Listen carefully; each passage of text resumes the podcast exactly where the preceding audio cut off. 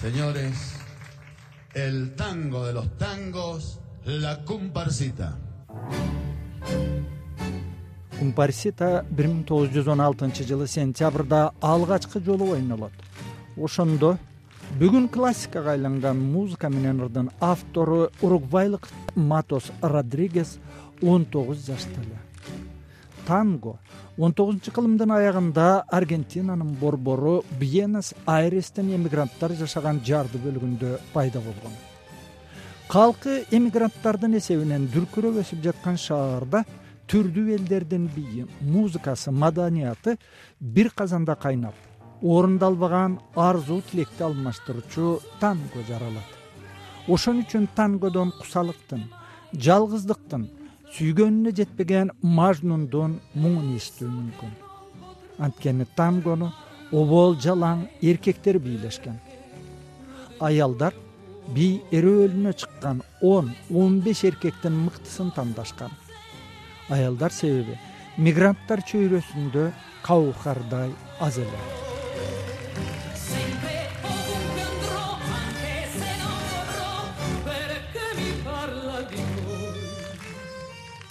тангонун таржымалоо тууралуу буэнс айрестик бийчи педагог хавиер антардын кеби. Тангонун мекени аргентина. Тангого музыка сыяктуу эле түркүн элдердин бийлери таасир этти. Аргентиналыктар тангону биздин бабаларыбыз ойлоп тапкан. Алар бизге окшош эмес таланттуу болушкан дешет. Бүгүнкү африкада танго бизден чыккан. Бизде танго милонга кандонбе бийлери бар деген сөздү көп угасыз аргентина жана уругвайда танго акырындап өнүккөн. Ага кубанын хабанера бийи дагы таасир эткен. Куба тангосунан испаниянын фламенгосунун таасири байкалат. Ушинтип отуруп аргентин тангосу өзүнүн табигый формасына ээ болот. Оболу танго төмөнкү катмардагылардын бийи эле. Лирикасы шумдуктуудай орой романтикалык маанайы жок болгондуктан аргентиналыктардын арасындагы тангонун репутациясы жаман болот бул абалды европага барган бийчилер менен музыканттар өзгөртөт. Себеби тангону европанын ак сөөктөрү укмуштуудай жылуу кабыл алышат. Биз аргентиналыктар европада бааланган нерсени баалап урматтайбыз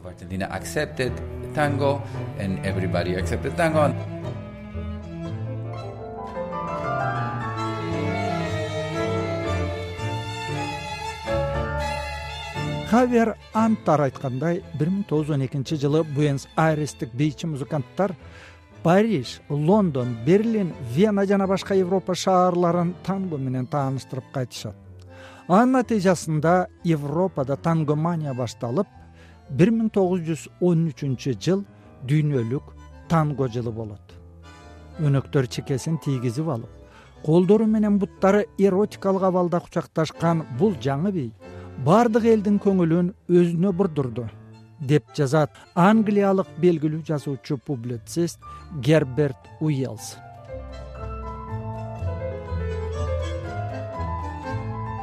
жыл этегинде танго нью йоркко жана финляндияга жетет.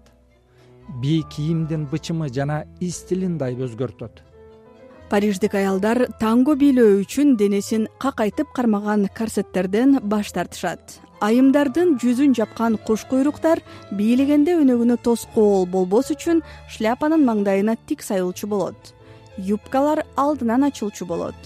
Танго туфлиси танго чулки байпагы танго шляпасы танго көйнөгү танго жагоосу танго жилет чыптамасы танго байпагы модага кирет. Кызгылт сары түс тангонун символуна айланат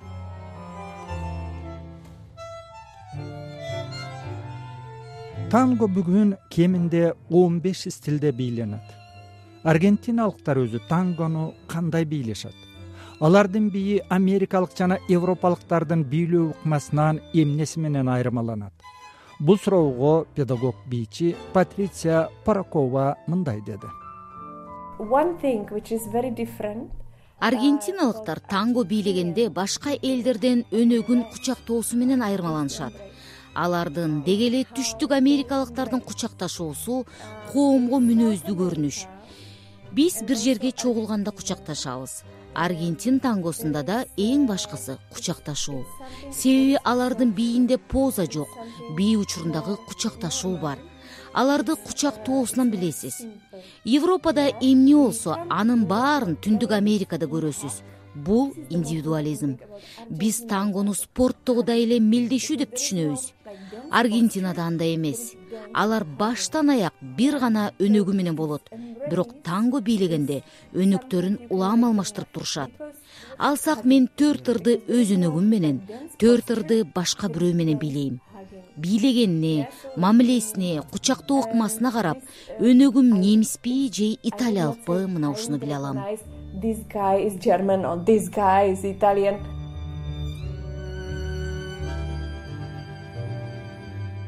бийчилердин бирин бири жыландай арбаганы кайбар кыймылдары тангонун желдей тентек кыялы өздөрүн ыймандын сакчысы деп санаган өкүмдарлар менен динаятчыларга такай жакпайт. бир миң тогуз жүз он үчүнчү жылы рим католик чиркөөсүнүн адыйы папа пий онунчу тангону бийлөө католиктер үчүн амаралдуу жосун деп жарыялайт. бирок папа кийинки жылы ватиканда бийди көргөндөн кийин парманын кайтарып алат акш вице президенти томас маршал болсо элдин тангого азгырылуусун чиркөөнүн аалсыздыгы деп динзарларды кыраакылыкка чакырат. Бир миң тогуз жүз он төртүнчү жылы орус империясынын агартуу министри кассо тангону адепсиз деп окуу жайларда бийлөөгө жана студенттердин танго үйрөнүүсүнө тыюу салат футурист акын владимир маяковский тангону согуш жана тынчтык поэмасында буржуйлардын бийи деп мыскылдайт совет өкмөтү албетте буржуазиялык маданияттын бийин букарылардын бийлегенине уруксат бербейт. Ага карабай танго музыкасы советтер союзунда жайыла берет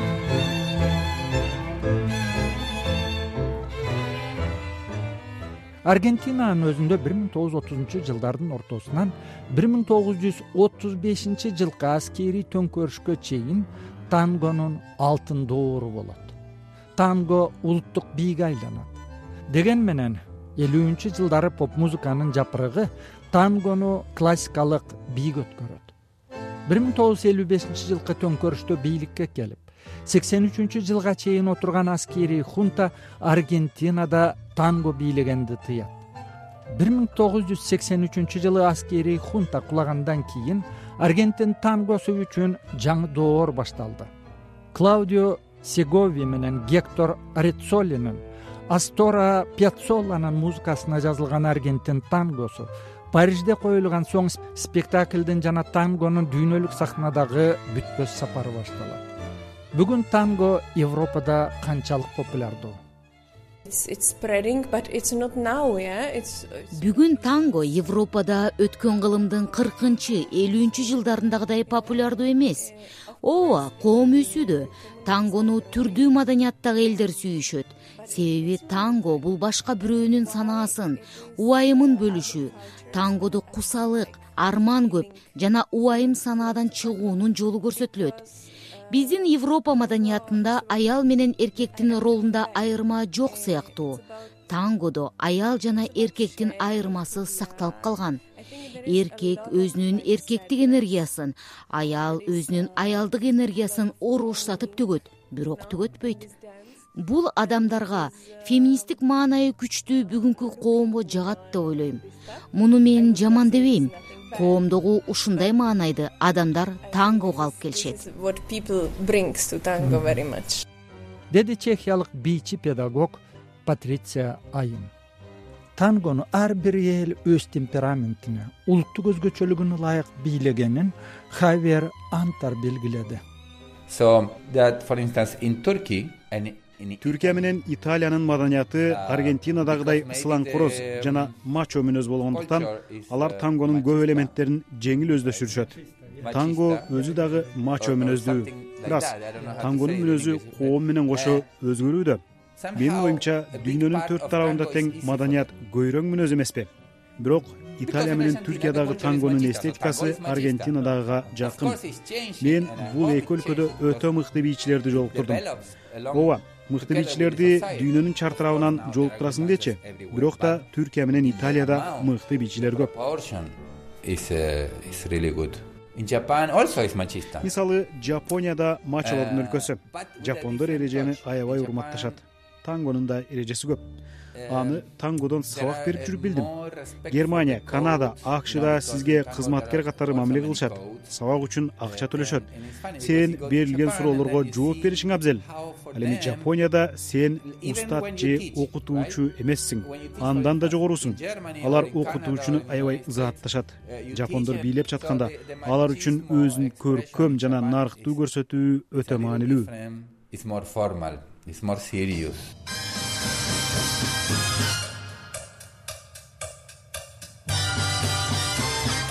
бир миң тогуз жүз жетимиш жетинчи жылдын он биринчи декабрында аргентинада алгачкы ирет улуттук танго күнү белгиленет. Бул күн тангонун эл аралык да күнү. Юнескодо тангону дүйнөлүк көркөм мурас деп тааныган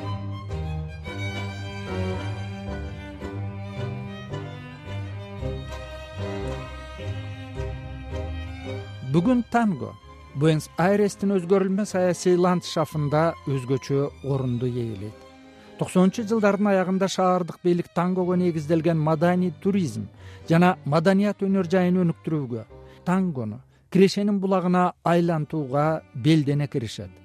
Анын натыйжасында буэнос айрес бүгүн тангонун дүйнөлүк меккесине айланган.